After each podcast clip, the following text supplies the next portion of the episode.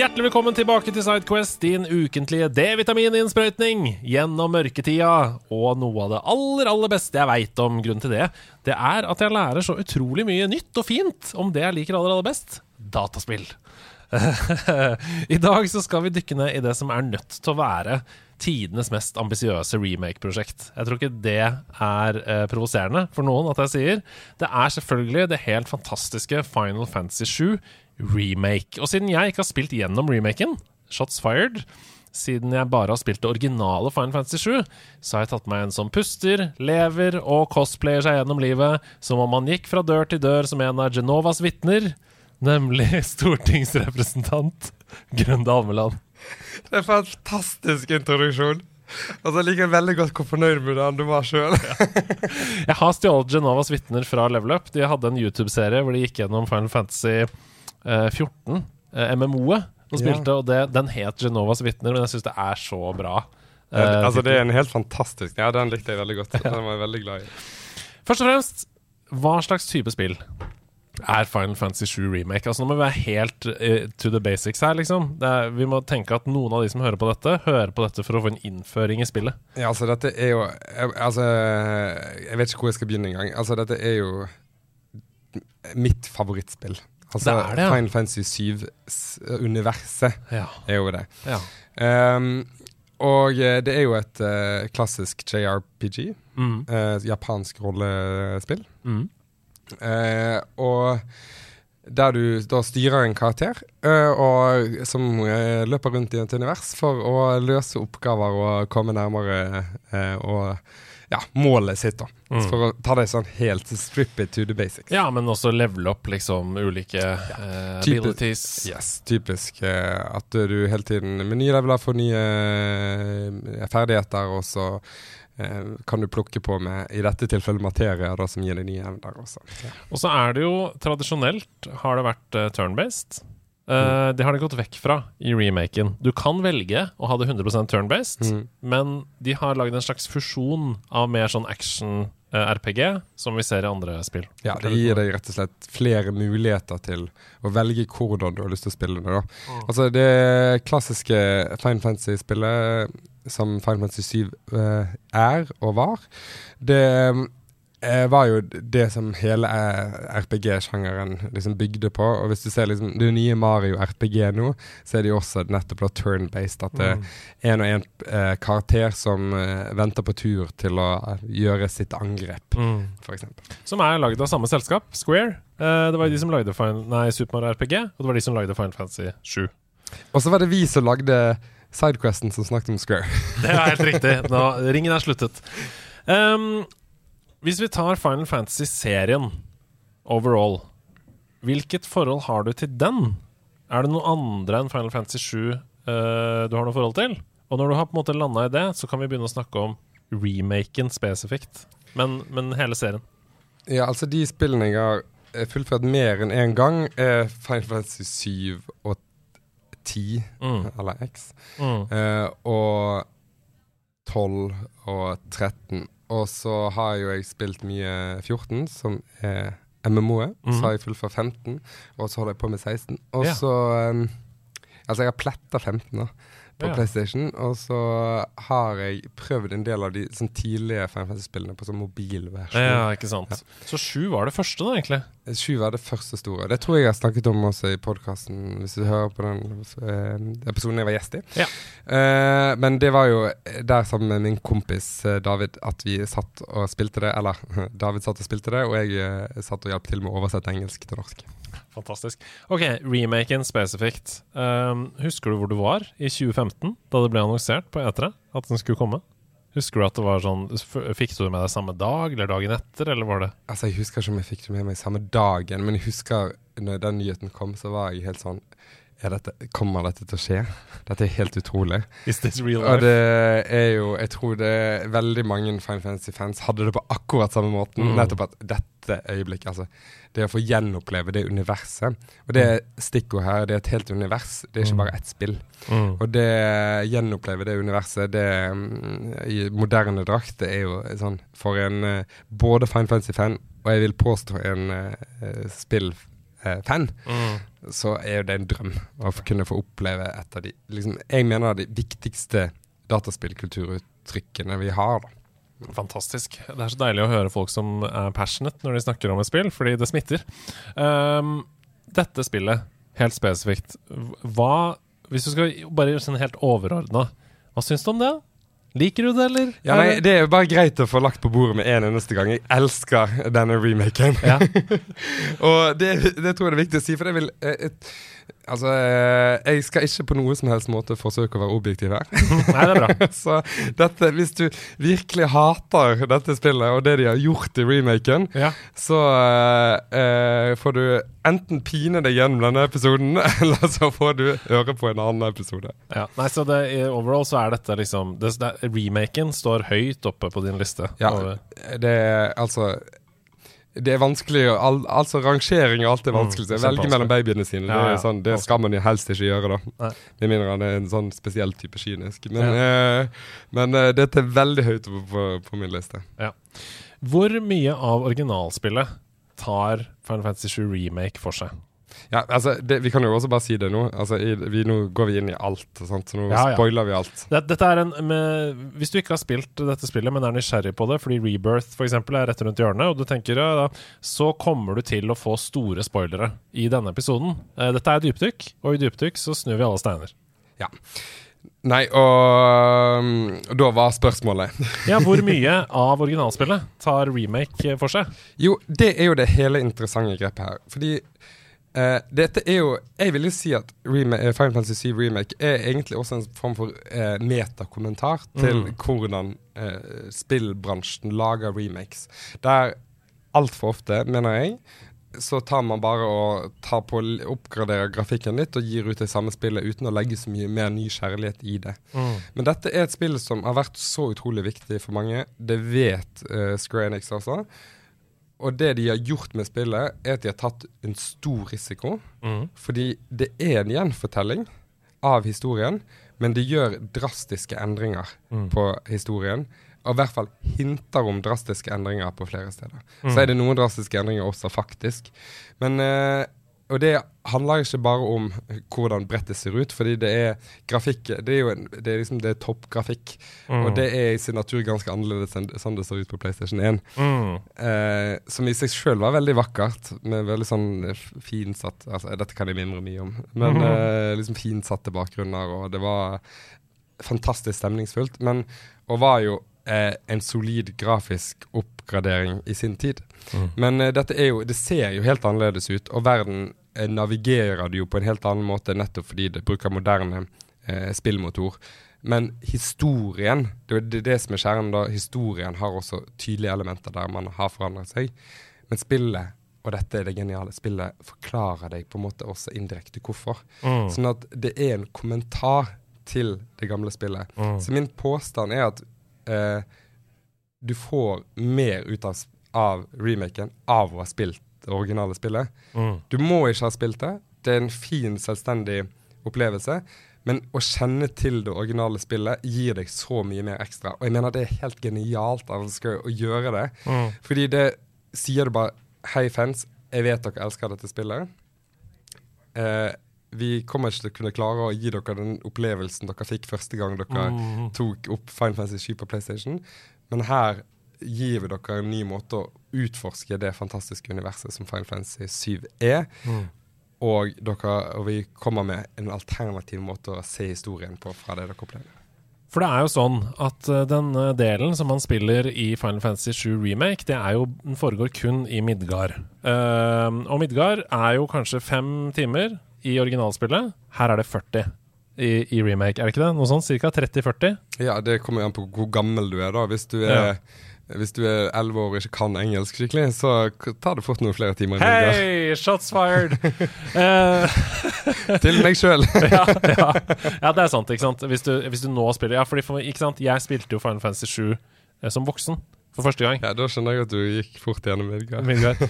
Men hva er historien her? Altså, Hva er historien spesifikt i remaken? Sånn at vi ikke spoiler for noen som ikke har spilt forbi den. Ja, nei, uh, vi kan jo begynne, da. Altså, hele Vi befinner oss på planeten Gaia. Mhm. Eh, uh, nærmere bestemt i Midgard, som du sa. Som er jo uh, den liksom eh, storbyen da i, i, på Gaia, som da er tilsvarende jordkloden. Mm. Den byen opereres av en rekke makoreaktere Som da suger energi fra, jord, eller fra Gaia, jorden. Mm. Eh, som da altså kalles livestream, sånn livsenergien, livsstrømmen i eh, Gaia. Og som brukes til å, å gi energi til at alt skal fungere i byen, og alt skal fungere i verden. Til alt fra liksom, transport til, til alt du trenger. Og et artig biprodukt av denne energien, det er det vi kaller materia. Altså magiske elementer. Altså disse typiske kulene du ser i ulike farger i spillet. Mm. Mm. Og hele plottet i spillet er jo at det er en øko eh, Noen kaller det terroristgruppe, andre kaller det aktivistgruppe.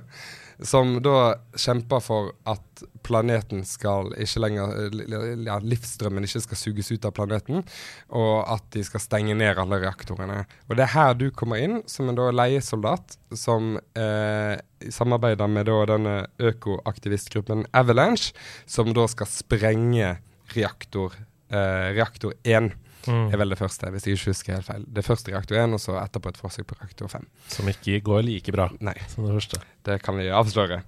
Og så eh, er jo det der liksom det starta, og det sier både om hva er de store konfliktene i verden, altså kampen mellom å utnytte naturressursene oh. eh, og liksom jordens egentlig undergang, da, fordi oh. livsstrømmen ut ja, ja.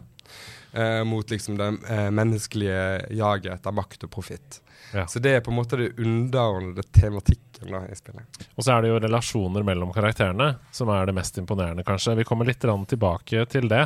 Men eh, Midgard først, for Midgard er jo en karakter i seg selv i dette spillet. Denne byen er helt, helt fantastisk, og spesielt i remaken. Spilljournalisten Andrew King han skriver Nothing can live up to those opening hours in the dystopian city of Midgar.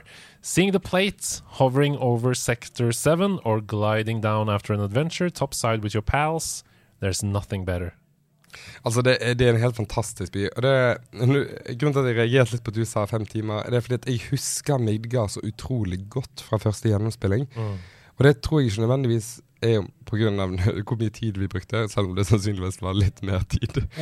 Men det handler jo om hvilket inntrykk denne byen ga, selv den gangen, da med den grafikken som var da. Mm. Men det er jo et, et helt univers. Og det er jo Jeg husker jo når vi kom ut av Midgard i første gjennomspilling av back in the days, og kom ut og plutselig så at det var en hel verden som var så ekstremt mye større enn den lille byen vi hadde vært i. Ja. Det er jo altså det er noe av også det sånn første store sjokkbølgene i det spillet. Og det i remaken så virker byen så utrolig levende. Det er jo en ekstremt død by, men den virker Mm. utrolig levende.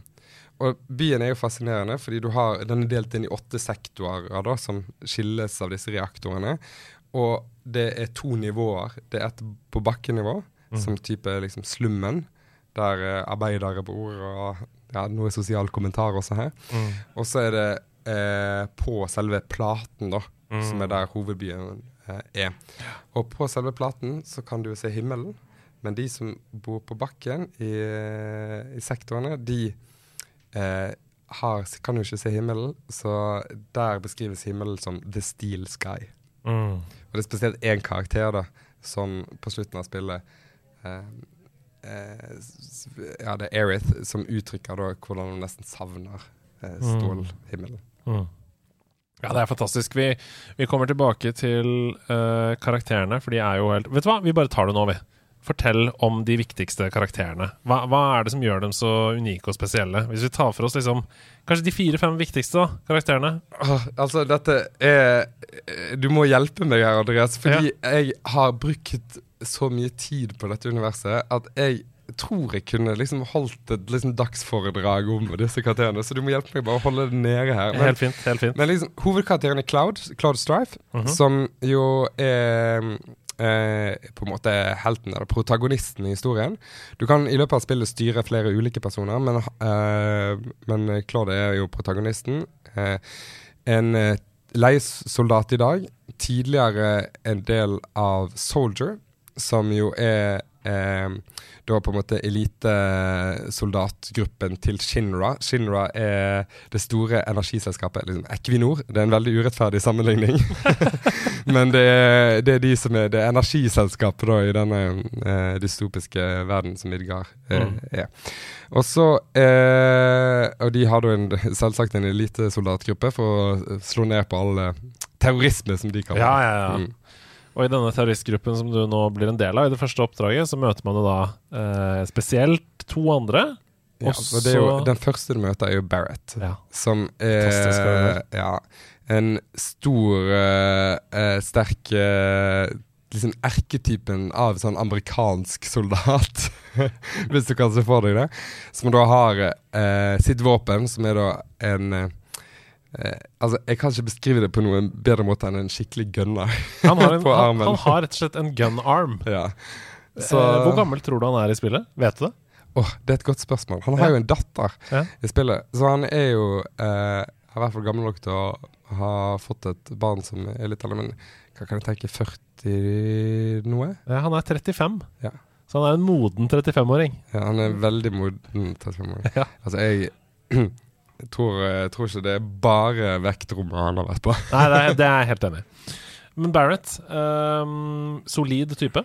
Solid type. Mm. Eh, en av lederne da i denne eh, Avalanche-gruppen. Mm. Så er det Tifa Lockhart, mm. som jo er hvis du, går, hvis du går på, gikk på Spillekspo, så så du flere som cosplayer Tifa. Mm. Hun er en fantastisk karakter. Til også veldig ung. Eh, barndomsvenn av Claude. Hun er 20 i spillet, ja. faktisk. Yes. Mm. Uh, Barndomsvenner Claude viser det seg også senere i spillet. Ja. Uh, men, uh, og de har jo et langt da, derfor liksom et langt forhold. Nå driver en bar i sektor, i sektor 7. og er jo da på en måte, til, til tross for sin unge alder, på en måte mor, morsfiguren da, mm. i, i, gruppen. Mm. Og så har vi Erith. Erith Gainsborough. Mm. Eh, som jo er den karakteren um, Altså, Nå må, må, vi bare hoppe ut i det, Fordi det er litt ja, viktig siden vi snakker om remaken. Absolutt. Hun dør jo i Final Fantasy 7. Mm. Og jeg sier hun dør i Final Fantasy 7, det er fordi vi vet ennå ikke om hun dør i, i remake-serien. Det er nettopp det, uh, for hun har ikke dødd nei, når vi spiller remake. Nei, hun har ikke dødd når vi spiller remake, Fordi da begynner vi på en måte historien på nytt. Men hun er jo en um, Hun bor også i, uh, i slummen. Ja. Uh, bor en blomsterpike, er det vel beskriver som. Hun, de bor på et Altså, det er så fantastisk fint, det huset området hun bor ja, ja, i. i remaken. men hun, altså, der gror de blomster, og så selger hun blomster på markedet på på platenivå. Da. Men hun har jo en hemmelighet. Ja, det er at hun er ikke bare en blomsterpike. What?! What? Hva er hun, Andreas? Nei, så Fortell meg, da. Fortell meg hva hun er, da. Ja, nei, hun er jo rett og slett eh, del av en sånn gammel Altså, nå jeg syns det er litt vanskelig å forklare det, men hun er jo Er det, er det Zetra man kaller det? En del, ja, av den, sånt. ja, en del av denne gruppen som da på en måte har en egen kontakt med naturen, og kan ja. Hun har en liksom av det folkeslaget som da kan være med å sørge for at til tross for at planeten holder på å dø, så kan hun gi, gi planeten litt liv. Ja. Så hun er jo en helt sånn sentral nøkkel for å sørge for at planeten ikke går under. Og det er derfor vi skjønner at Shinra syns hun er veldig eh, interessant. De er på jakt etter henne, og de, vi skjønner ikke helt hvorfor i begynnelsen, men vi skjønner at det er noe der inntil da. Ja, dette, dette. dette tar jo litt, uh, litt, steg for steg. Og Claude blir jo veldig, eh, på godt engelsk, smitten mm. av uh, Erith. Sånn at han følger henne rundt og gjør litt oppdrag for henne. Og henter mm. noen rakkerunger og litt forskjellig sånn ja. i remaken. Men etter hvert så viser det seg jo at hun har en langt større betydning. Fordi Shinra Company og Shinra selv sender jo noen av sine Turks da etter henne. Og en som har vært der før, men som ikke er der lenger, det er jo Sephiroth. Ja, Sephiroth er jo eh, antagonisten i spillserien, og mm. det eh, vil jeg si hands down tidenes beste spillantagonist. Ja, for meg så er det Altså, jeg, hvis jeg hadde spilt dette da jeg var barn, så hadde nok det vært min også. Men uh, en av dem, for min del, sammen med bl.a. Handsome Jack fra Borderlands 2, og noen andre, men for en dualitet. Eh, Ja, altså det er han sier som er den beste antagonisten. Alle andre Ja. forslag er feil. Men eh, det er greit. ja, men fortsett, ja. Hva, hva med Sephiroth? Nei, altså Sethoroth er også en del av da Soldier-programmet. Ja. Soldier med store bokstaver. Mm. Husker jeg var veldig opptatt av da jeg var liten. Ja. Men det som da formidler som det var, er dette elitesoldatprogrammet til Shinra. Mm. Og var jo en del av det, det, de soldatene som også det ble testet ut. Altså man drev med type testing av eh, eh, hvilke egenskaper man kunne få hvis man sprøyta litt uh, Mm. juice inn i soldatene sine. Som Claude også har vært en del av. da. Alt dette her finner vi ut av litt etter hvert i spillet, men uh, det er jo der relasjonen mellom Claude og, og Sethroth er. Jeg syns jo at de beste uh, antagonistene og de beste slemmingene eh, i spill og filmer og kultur ikke bare er bare onde. At de har en dualitet i seg. Mm. At de som er onde, er ikke bare onde, og de som er gode, er ikke bare gode. Det er liksom eh, en, eh, hva skal jeg si, en skala som han flyter på her. Og han er jo Han, han viser jo nåde, eksempel, flere ganger.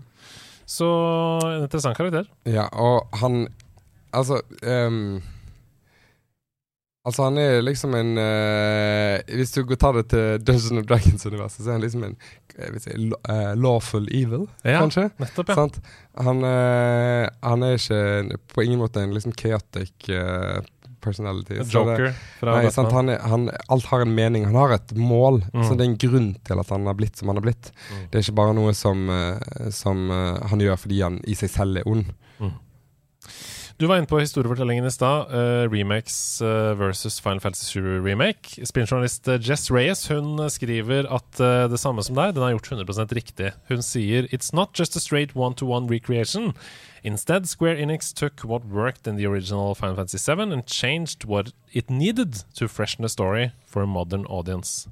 Hva er det de har gjort som gjør at det er mer tilpasset eh, 2023-publikummet i remaken? Altså Det er jo noen sånn eh, rene sånn eh, Det spill, spillgjennomføringen er jo liksom det selvsagte. Sant? At det, det er mye mer fast-paced, det det flyter ja. bedre, det er lettere å komme seg gjennom. Mm. Det er lettere flere steder å henge på historien. Mm. Og så noen ting som du misser hvis ikke du kan eh, historien fra før av. Mm. Men det eh, de introduserer ganske tidlig i spillet, er jo disse kappekledde, sortkappekledde folkene. Mm. Som eh, da er veldig syke. Da. De kaller det Mako poisoning, heter det eh, i spillet. Det at de eh, ja, altså livs, eh, stream, livestream har på en måte gjort de syke pga. at det ja.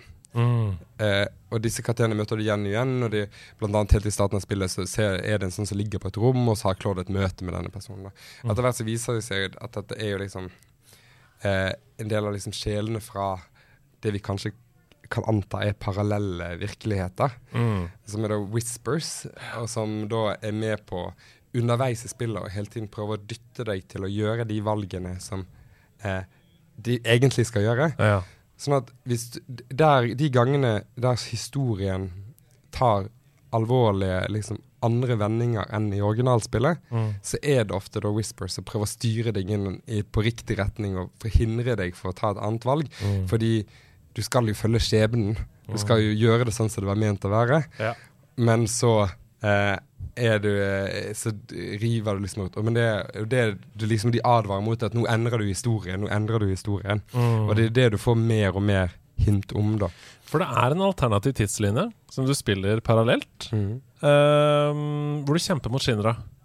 Kan du fortelle litt om den? Det er, jeg, jeg- dette har jeg bare sett en recap av. Jeg mener, jeg husker når Du spiller en offiser, du skyter masse på en slagmark og sånn, og så flipper du tilbake igjen til denne nye eh, tidslinjen du egentlig står i. Ja, nei, altså Nå er jeg litt sånn usikker på akkurat, uh, akkurat hva du sikter til. Men det er jo en rekke ting som skjer i spillet som er ulikt, bl.a. når det knytter til Shinra. Og det Mm. er jo når du kjemper mot Shinra, ganske mot slutten av spillet, Ja. så uh, dør jo Barrett Ja, i remaken. Ja. Eh, men da blir jo han gjenopplivet. Mm. Fordi av Ikke av eh, deg, men av andre. Fordi Nei, det var ikke sånn det var ment å være. Skjebnen, det var ikke sånn skjebnen skulle være. Mm. Så han blir eh, gjenopplivet. Til tross for at han eh, ja, ganske tydelig døde. Og det, er, og det er også en sånn måte spillet kommenterer at her er det liksom, Vi prøver å gjøre noen fortellergrep som Mm. aktivt ender deg. Og så er det jo noen flere ting som jeg tenker vi skal komme inn på med nettopp parallelle historier, Ja. som jeg lurer på om det er det du hinter til. Ja, men da tenker jeg Kan ikke du bare ta det nå? Hvis det jo, jeg kan gjøre det. Ja. Jo, fordi det som Jeg sa i starten at dette er jo et univers, ikke ett spill. Mm. Og det er jo, i tillegg til selve remake-spillet, så er det kommet en intermission der Ja. du får følge Juffi Mhm. med en fantastisk kaotisk karakter. Mm. K- good, kanskje. Ja, ja, ja. Men um, hun er en fantastisk karakter som kommer fra Wutai. Wutai er, det, er jo den store fienden til, uh, til Midgard. Uh, og hun eh, skal komme inn og liksom se på hva som skjer. eh, ja, hun skal inn og eh, infiltrere for å stjele the ultimate weapon. Er det vel hun skal stjele.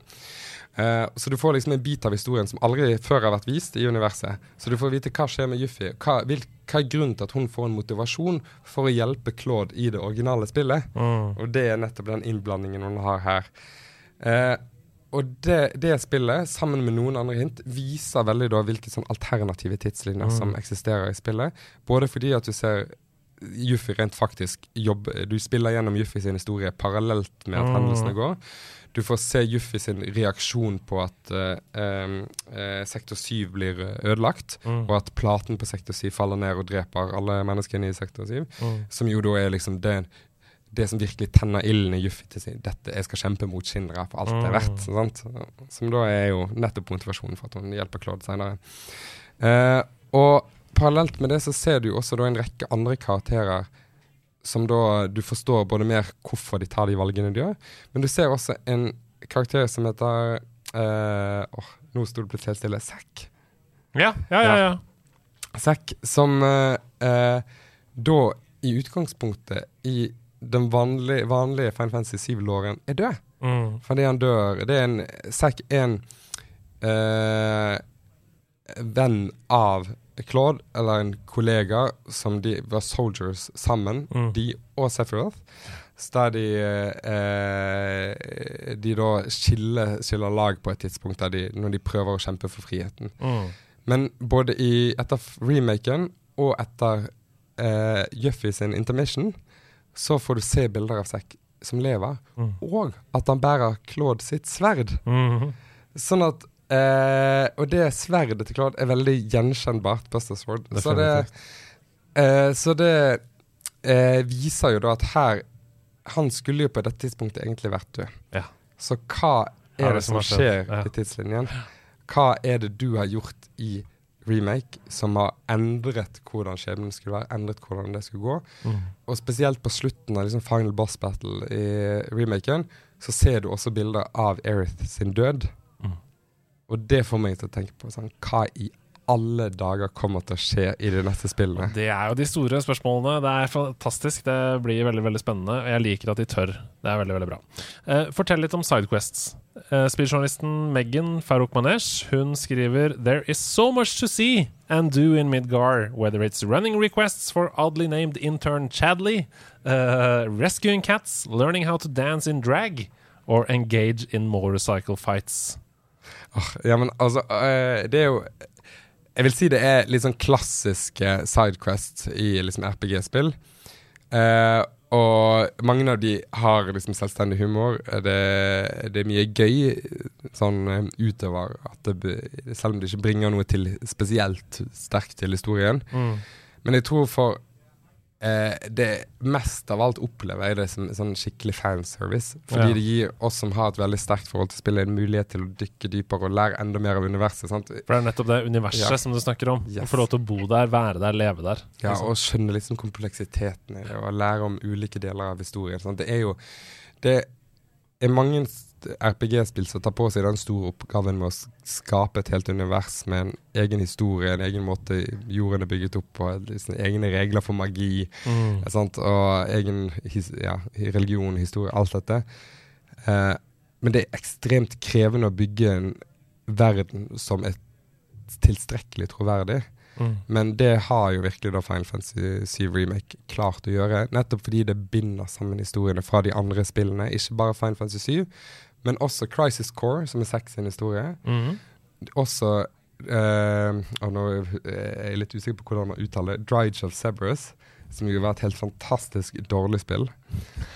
Men som likevel de bare sånn Dette er en del av universet. Vi skal skal vi sørge må- for at den historien som på ingen måte ga mening, gir mening. Ja, ja, ja. Vi må Og liksom det, ta det inn. Og det, der får du også møte noen av karakterene i Juffi sin intermission. Ja, det er gøy. det, ja. Men det er som du sier, da. Final Fantasy 7 har på en måte blitt en IP i Final Fantasy-IP-en. Ja. Som bare pøser ut forskjellige spill og kulturuttrykk inni det. Det har kommet mobilspill knytta til Final Fantasy 7 osv.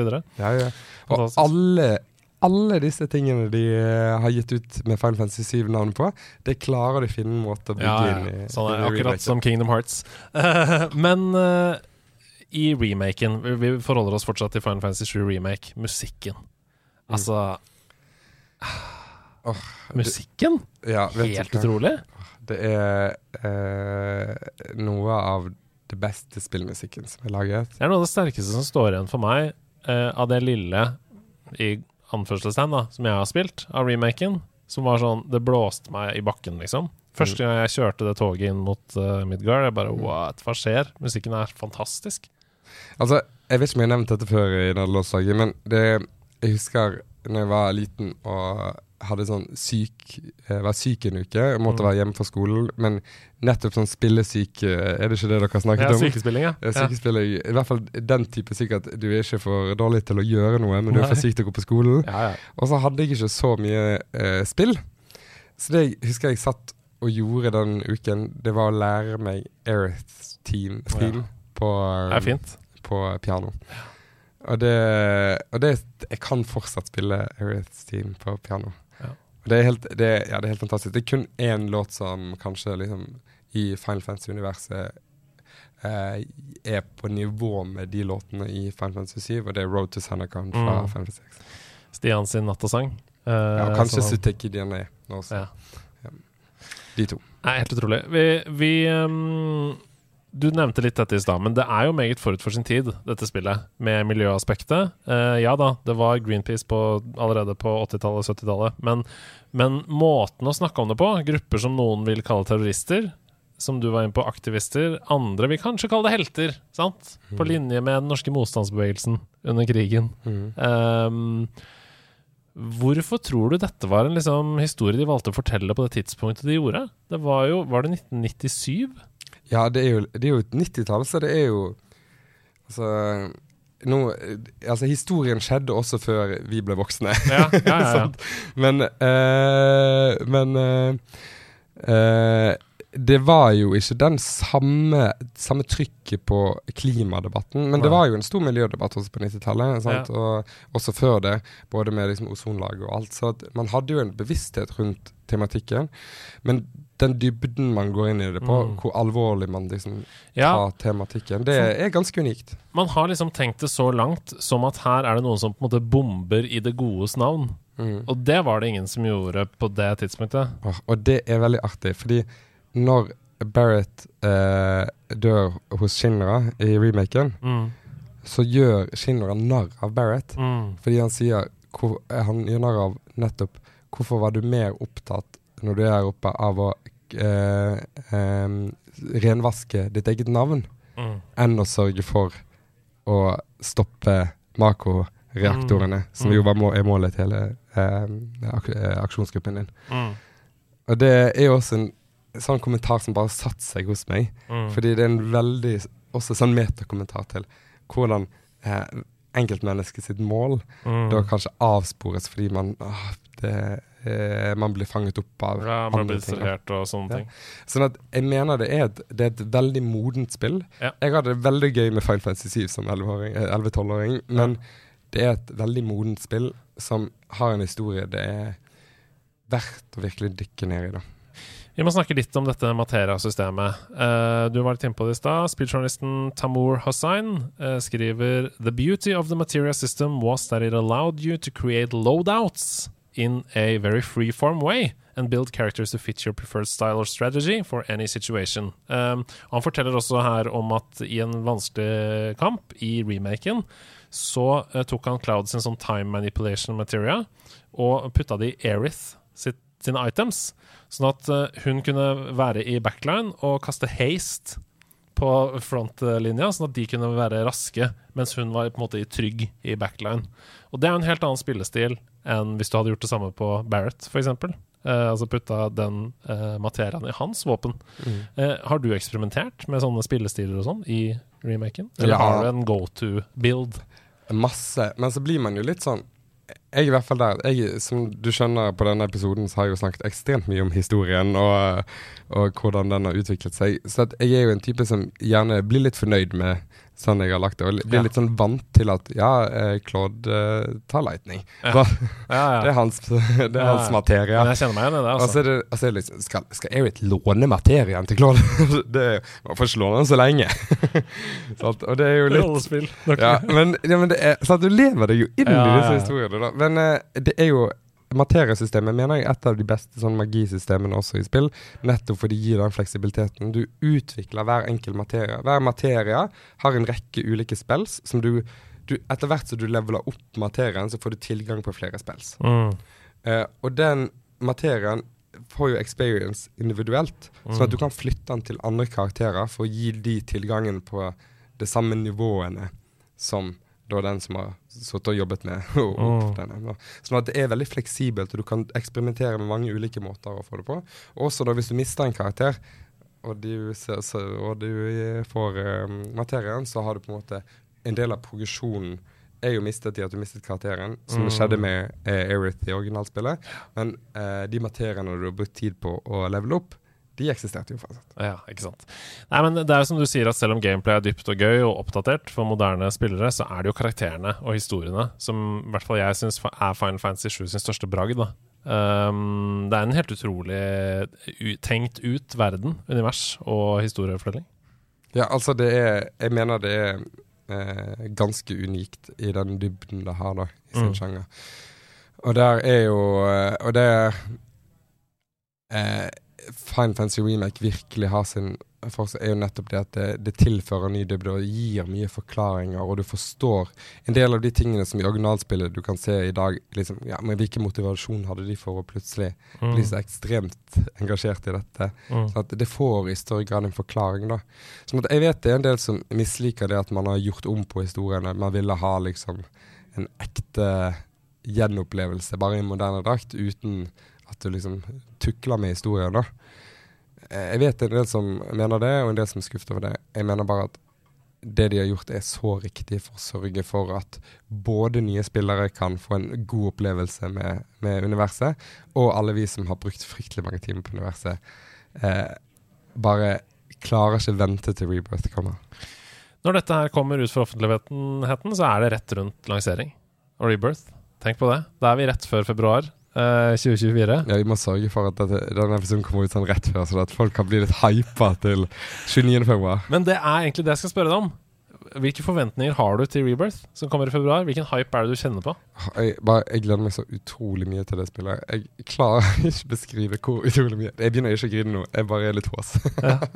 Men uh, det var Ja, nei, det spillet tro, har jeg bare så sterk tro på. Det de leverte i første, det setupen det, det dette første spillet og intermission er, eh, i det som ser ut til å være en åpen verden, Mm.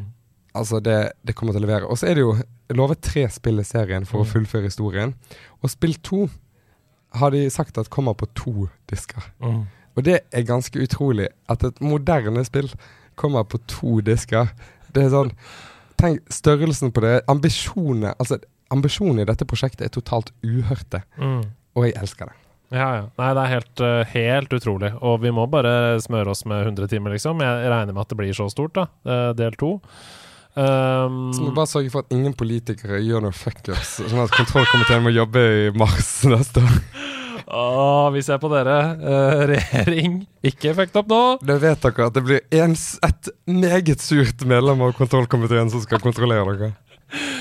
Åh, ja, eh, hvis du skal oppsummere, da, helt til slutt. Hva er det som gjør Final Fantasy 7 Remake så fantastisk for deg? Du har jo vært inne på flere ganger at du syns det er et mesterverk, hvordan de har greid å eh, forandre historien og fortsatt please originalet. Det er et spill som er veldig klar over at det er en remake, Mm. eh, og som tar historien og universet på høyeste alvor, men ikke minst fansen på aller høyeste alvor, men samtidig utfordrer oss. Og det gjør det, mener jeg, helt unikt i remake-sammenheng. Her er det så mange som har så mye å lære. Man trenger ikke ha de samme store ambisjonene og de samme store budsjettene. Er, alle vet jo at det blir en salgsvinner, men det er veldig mange som lager remakes, som kan tenke at kanskje er det noe vi kan gjøre med historien for å sørge for at folk får en eh, Som også har en gode minner fra det første spillet, og som vil få en ny opplevelse i tillegg til tidenes største nostalgitrip. Amen, brother! Preach! Det er helt nydelig. Hvis alle spillskapere hører på nå, så er det bra. Da får vi bedre spill i årene som kommer. Tusen takk til deg, Grunde Almeland. God tur hjem. Tusen takk for det. Fantastisk uh, hyggelig å få lov til å være tilbake. God helg, folkens. Vi snakkes snart igjen.